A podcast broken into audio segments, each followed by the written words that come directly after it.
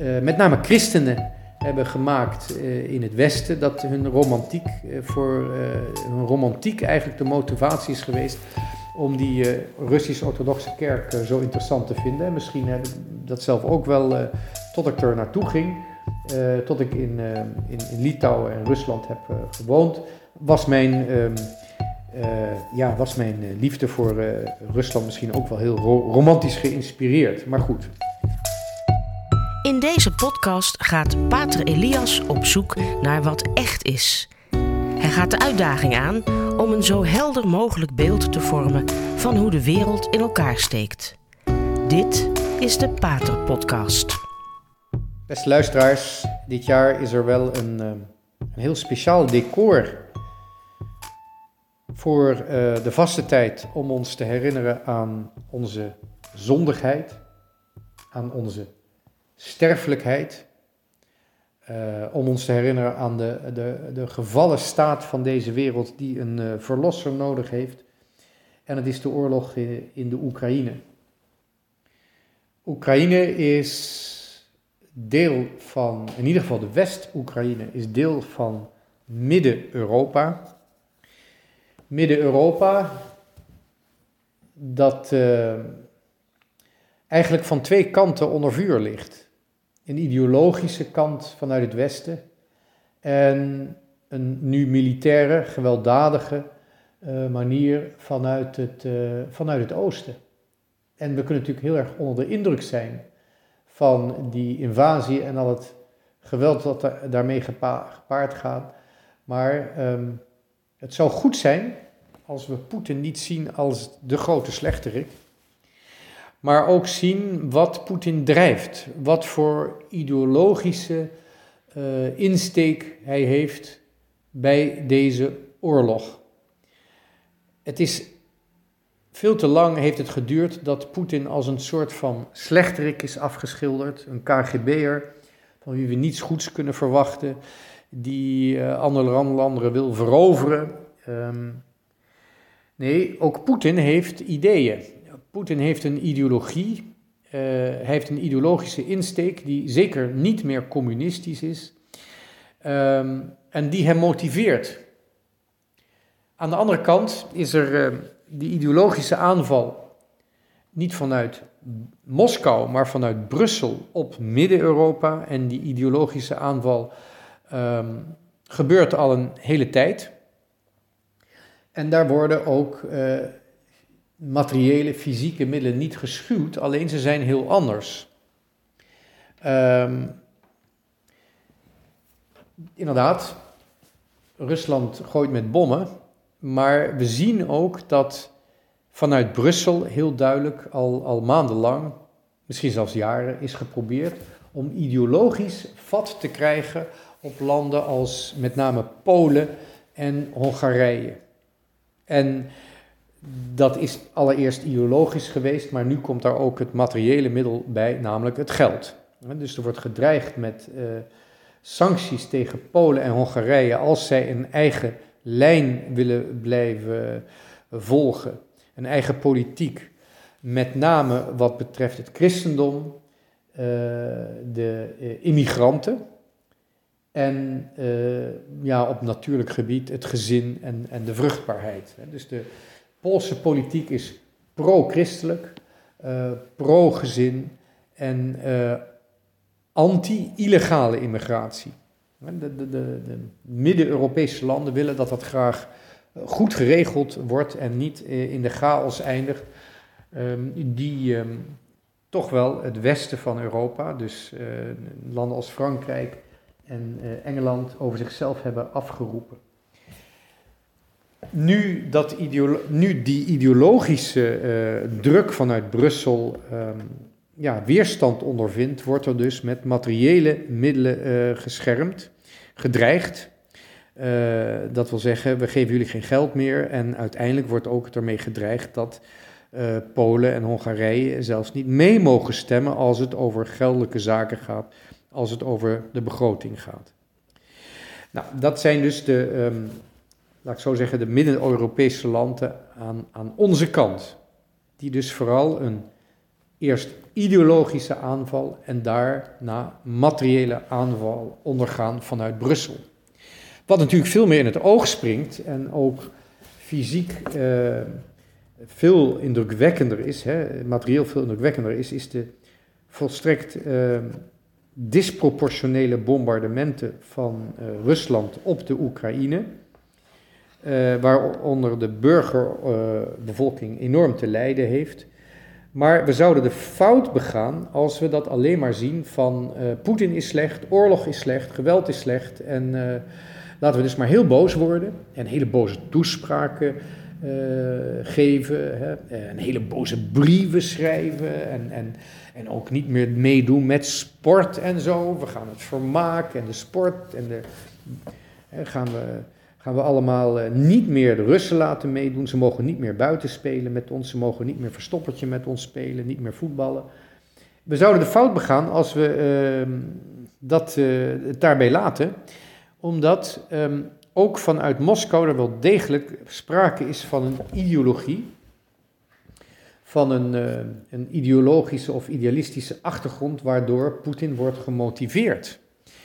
En um, als je je vijand lief hebt, dan moet je beginnen met respect voor hem te hebben en te begrijpen wat hem beweegt. Leiderschap, zowel in Oost als in West, ook als in Noord als Zuid, Leiderschap is altijd een mengeling van uh, bekoringen van ijdelheid, maar ook motiveringen die wel oprecht zijn.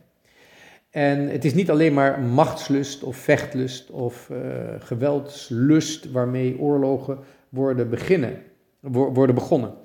En het is dus nodig dat wij ook kunnen begrijpen wat er gaande is geweest uh, in Rusland en uh, de ideologische achtergronden Ehm, die, daarmee, ehm, ja, die daaruit zijn voortgekomen en waar ook uiteindelijk oorlog over komt. En dan komen we natuurlijk uh, in een veel uh, ja, complexer gebied terecht. Um, wat, wat het moeilijk is om dat in een half uurtje even van alle kanten te belichten, maar ik ga het toch proberen. Um, Poetin is natuurlijk een voormalig KGB'er en is ook dus in zijn jonge jaren door de KGB gevormd. Uh, en daar zou je überhaupt al een, een, hele reeks uitzendingen voor nodig moeten hebben om te begrijpen wat KGB is, wat geheime dienst betekent in, in Rusland, wat het al betekend heeft in het tsaristische Rusland en wat, uh, wat het heeft betekend in de communistische tijd uh, en wat het na de communistische tijd heeft betekend. De geheime diensten, die, die iedere paar jaar van naam zijn veranderd, op het ogenblik is de naam van de geheime diensten FSB. Ehm, ik meen dat het betekent uh, Federale Dienst van Veiligheid. Vroeger was het de KGB, het was een comité van staatsveiligheid, als ik me goed kan herinneren wat die af, af, afkorting betekent. Maar ja, wat die afkorting betekent verder is niet belangrijk. Het gaat over de geheime dienst die de mensen in de gaten moet houden en de, de binnenlandse veiligheid uh, ja, moet garanderen.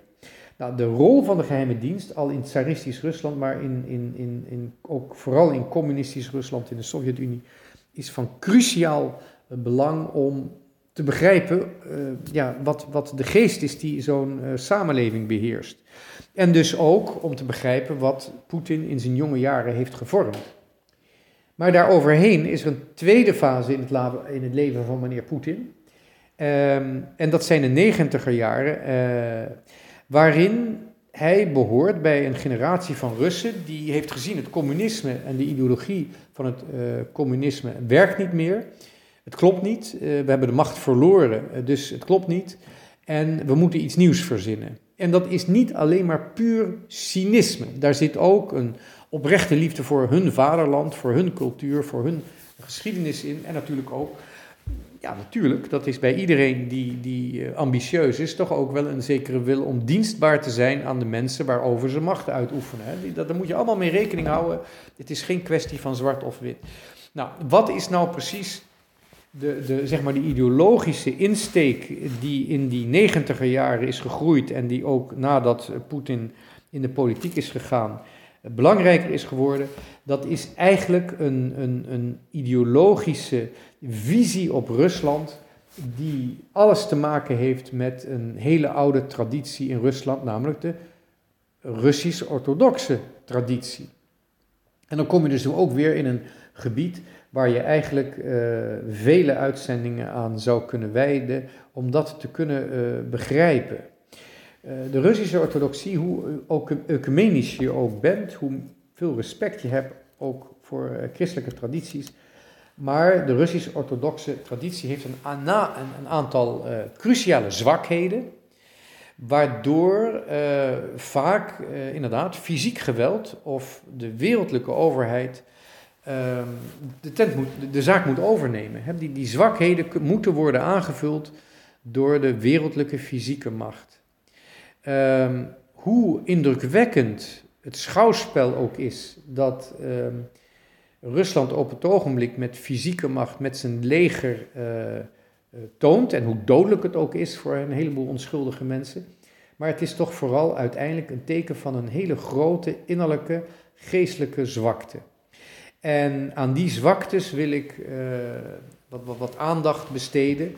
Uh, alleen al uh, omdat ik niet alleen toch een, een gedeelte respect heb voor, voor Poetin, maar ook echt gewoon ehm, ja, toch een, een liefde heb voor, voor de Russische cultuur. zeker interesse. Geen romantische liefde. Ik, ik, hoop dat mijn liefde voor en mijn respect voor de Russische cultuur zelfs in een persoon van uh, Poetin die, die, hij, uh, die die cultuur uh, vertegenwoordigt, dat die liefde wel realistisch is en niet romantisch, want dat is de grote fout die een heleboel, met name christenen, hebben gemaakt in het Westen, dat hun romantiek, voor, hun romantiek eigenlijk de motivatie is geweest om die Russisch-orthodoxe kerk zo interessant te vinden. En misschien heb dat zelf ook wel, tot ik er naartoe ging, uh, tot ik in, uh, in, in, Litouwen en Rusland heb uh, gewoond, was mijn, um, ja, was mijn liefde voor Rusland misschien ook wel heel ro romantisch geïnspireerd. Maar goed,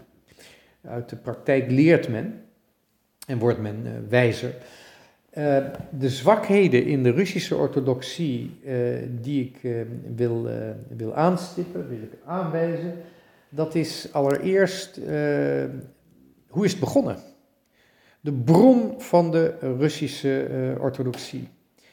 Wie heeft nou werkelijk de Russen voor het eerst gedoopt en wanneer is dat gebeurd en op welke manier is dat gebeurd?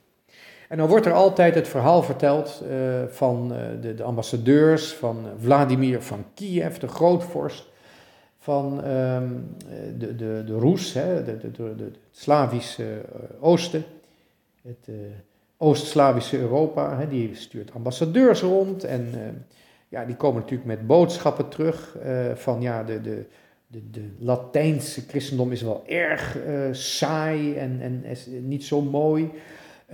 ja, de moslims, is ook niks aan, want dan mag je niet drinken. Hoewel je wel een heleboel vrouwen erop na mag houden, dat is wel leuk, maar ja, je mag niet drinken. En... Ja, dus, dus dan zou Vladimir ervoor hebben gekozen om dan maar één vrouw te hebben, want dat moet dan van de christenen, maar hij mocht wel blijven drinken. Dat is altijd nog gezelliger dan um, uh, niet te mogen drinken en een heleboel vrouwen erop nahouden. Uh, dat verhaal wordt zo'n beetje komisch verteld en dan bovendien wordt erbij gezegd dat de, de, de eredienst in Byzantium, in Constantinopel, die was zo mooi, zij waanden zich in de hemel en dan kiest dus Vladimir kiest de Russische orthodoxie. Het is een mythe en het is ook niet meer dan een mythe.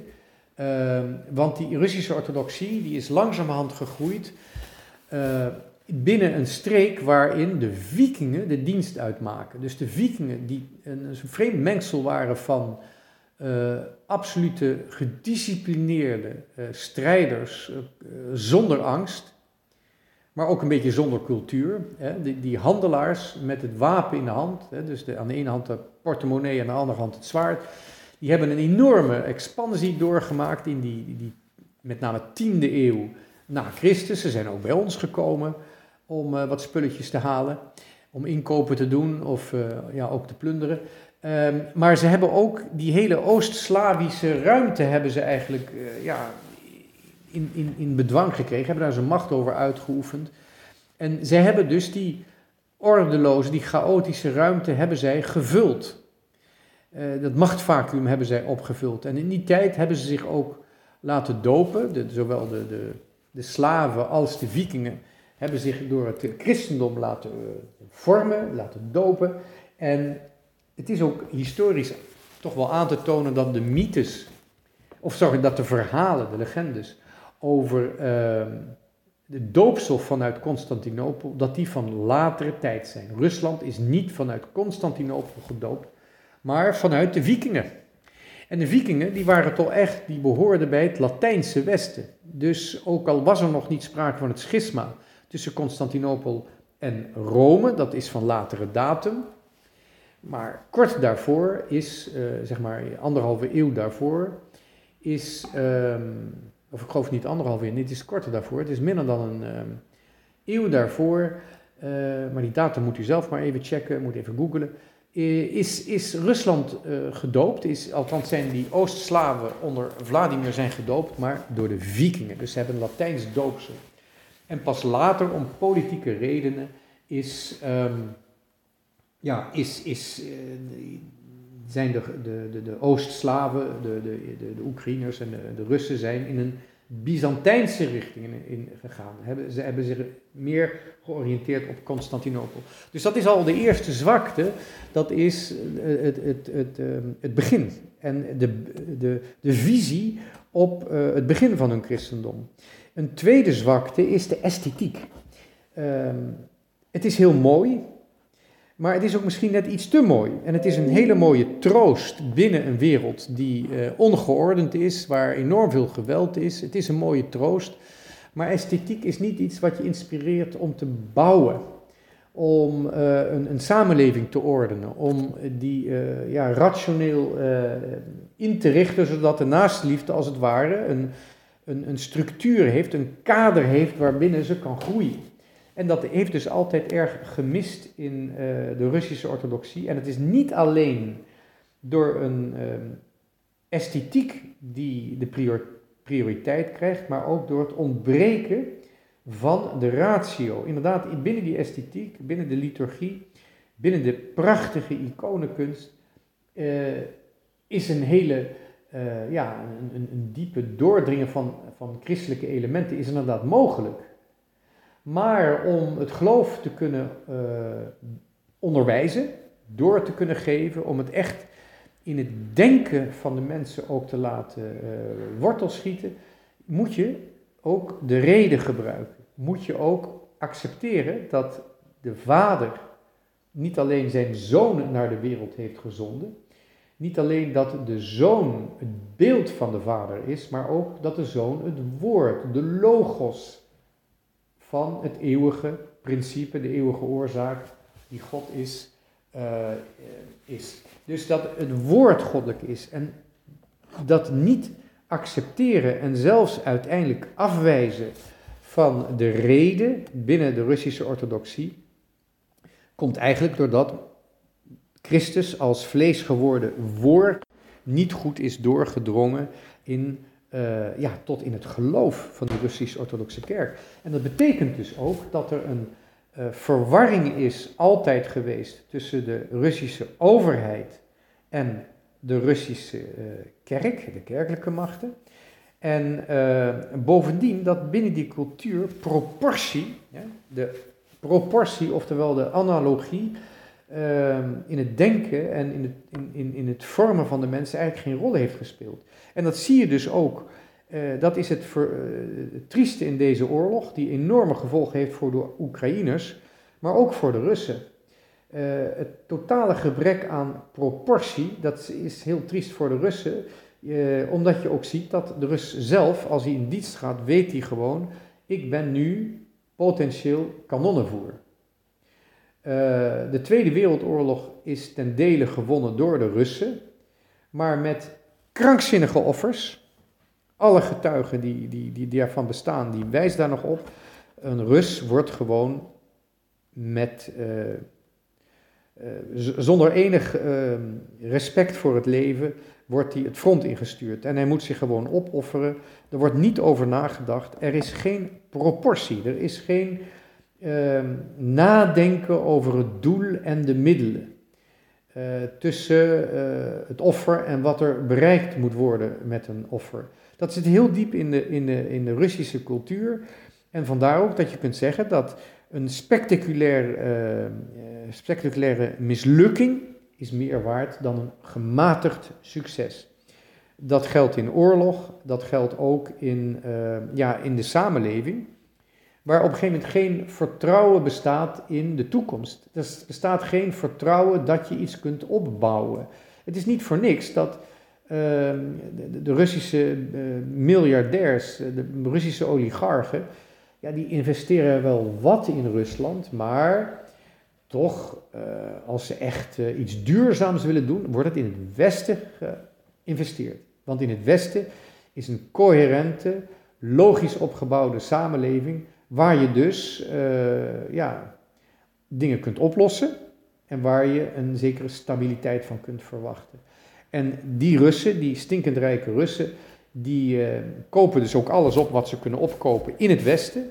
Ze investeren ook in het Westen en ze vermaken zich ook in het Westen. Hè. Die moeten allemaal naar de Côte d'Azur in, in, de, in de goede hotels zitten, want uh, er is natuurlijk ook wel wat te doen in, uh, in Sochi en op de Krim. Maar het is toch vooral, je gaat je vermaken in het Westen. Dus dat zit heel diep in die Russische geest, het gebrek aan vertrouwen in de toekomst.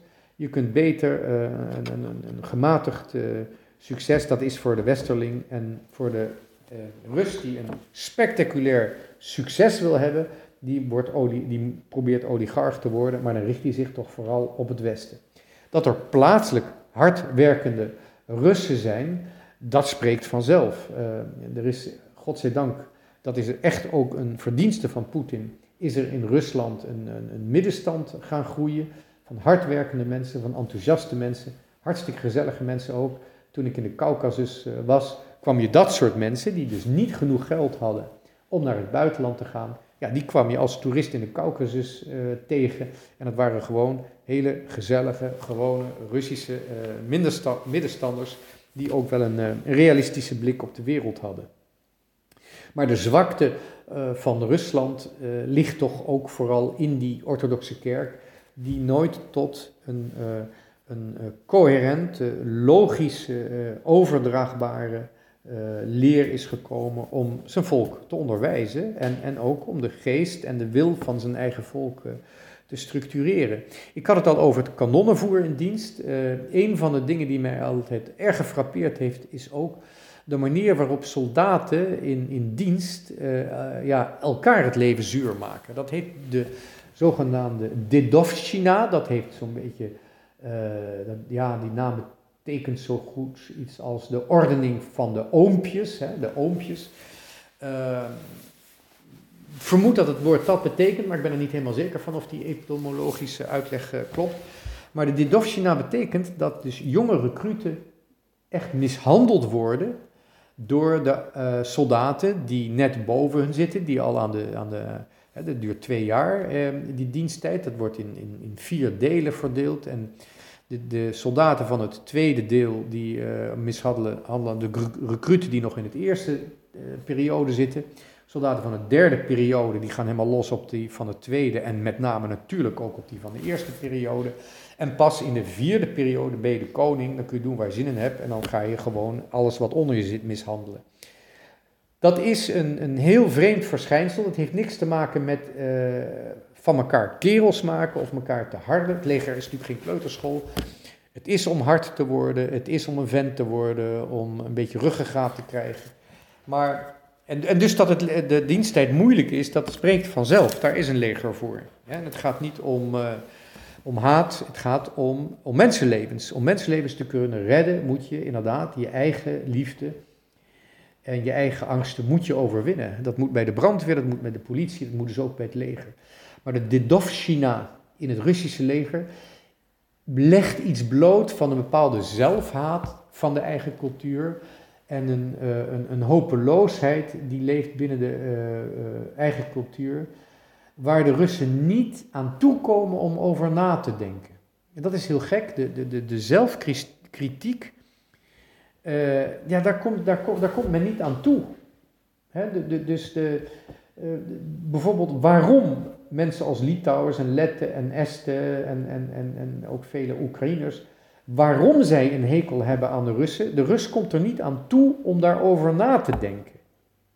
Dat blijft voor hem iets onbegrijpelijks, iets irrationeels, dus iets emotioneels waar je met emoties op moet beantwoorden. Dat is heel triest, want er zijn wel ontwikkelde Russen die dat wel zien, maar binnen die samenleving speelt dat geen rol. Um, als je tegen een Rus zegt van, ja, maar de KGB heeft toch wel erg veel mensen vermoord, dan krijg je direct als antwoord, ja, maar de KGB zelf heeft ook heel erg geleden. Er zijn een heleboel KGB'ers vermoord. Ja, dat klopt ook. De, KGB is een, was een, een, zelfdestructief apparaat. Een heleboel uh, KGB'ers zijn uiteindelijk door eigen KGB'ers over de klink gejaagd. Maar het feit dat dat zo is, wil nog niet zeggen dat de KGB een slachtoffer is. Dus dat, dat onderscheid tussen slachtoffer en dader, dat wil zeggen het onderscheid tussen een eigen verantwoordelijkheid en uh, de omgeving, daar wordt helemaal geen rekening mee gehouden. En dat is niet omdat Russen slecht zijn of dat Poetin slecht is, maar dat heeft echt te maken met een zwakheid binnen de cultuur die uh, afkomstig is uit, uit de orthodoxie. Hoe, hoe on-ecumenisch het ook klinkt en hoe ecumenisch ik ook wil zijn tegenover de orthodoxen, maar dit zijn de zwakheden uh, waar de orthodoxie mee te kampen heeft en uh, waarmee vandaag de dag ook de ideologie de, de, de, de, de ideologische motivatie van Poetin te kampen heeft. Want Poetin heeft met een aantal Russen echt wel gezocht naar wat kan nou de eenheid uh, geven aan mijn land. Welke motivatie moet de, uh, ja, moet de, met welke motivatie kan ik vorm geven aan de liefde voor mijn eigen mensen, voor mijn eigen liefde land. En daarmee is, kom je dus in de ideologische eh, invalshoek van, uh, van Poetin terecht. Um, en die komt, ja, die wordt veel te weinig bestudeerd in, um, in, in het Westen, maar die komt voort uit de Russische orthodoxie, uit de geschiedenis ook. En daar zie je dus weer uh, een heel sterk ideologisch gevoel dat um, ja, eigenlijk er één culturele wereld moet bestaan van Ierland tot Vladivostok, dus tot de stranden, in, tot de Ierse stranden van de Atlantische Oceaan, tot de Russische stranden, eh, Siberische stranden aan de Pacifische Oceaan. Dat moet één grote culturele eenheid worden, waarvan Moskou eigenlijk uh, de stad is, zoals Rome de stad is van de katholieke kerk. Dat is de universele eh, Euro-Aziatische rol van, uh, van de, het Russisch-orthodoxe wereld. Uh, en daarin heeft Rusland een rol te vervullen. En ja, dat is toch de, de ideologische motivatie die mensen als uh, Poetin op de achtergrond een beweegreden geeft. Ja, en zij komen dan in een confrontatie met onze wereld, die in de praktijk in ieder geval, ook al is het geen bewuste ideologie, maar in de praktijk zijn wij niet Euro-Aziatische ehm, uh, christenen meer, maar wij zijn meer uh, Euro-Amerikaanse, seculier georiënteerd ehm, politieke structuur geworden. En natuurlijk, dat, dat is die confrontatie. En Europa zal dus ook moeten kiezen. Zijn wij Euro-Amerikaans seculier? zijn, wij, zijn wij katholiek? Zijn we christelijk?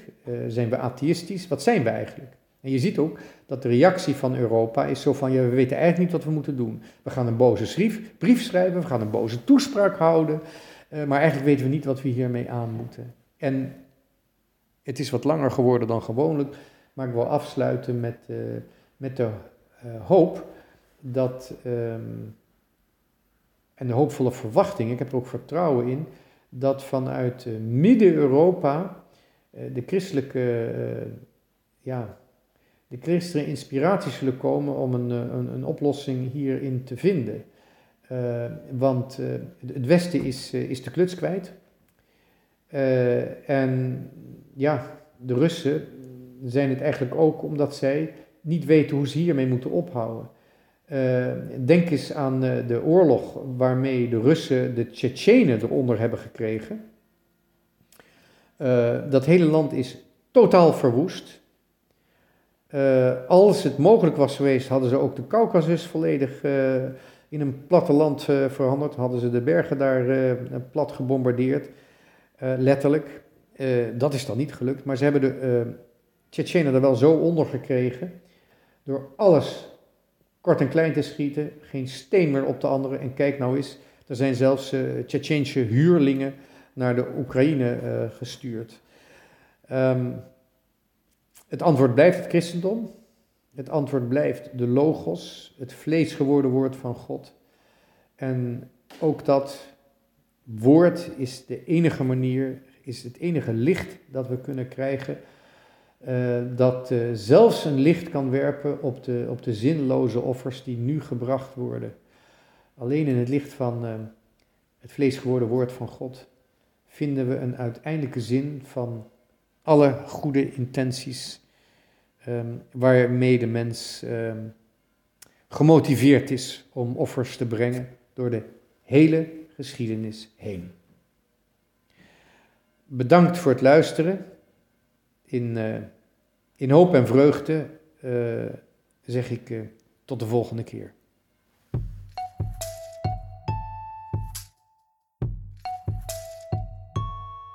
Dit was de Radio Maria Pater Podcast met Pater Elias. Deze podcast is online terug te luisteren via de website van Radio Maria en andere podcastplatforms.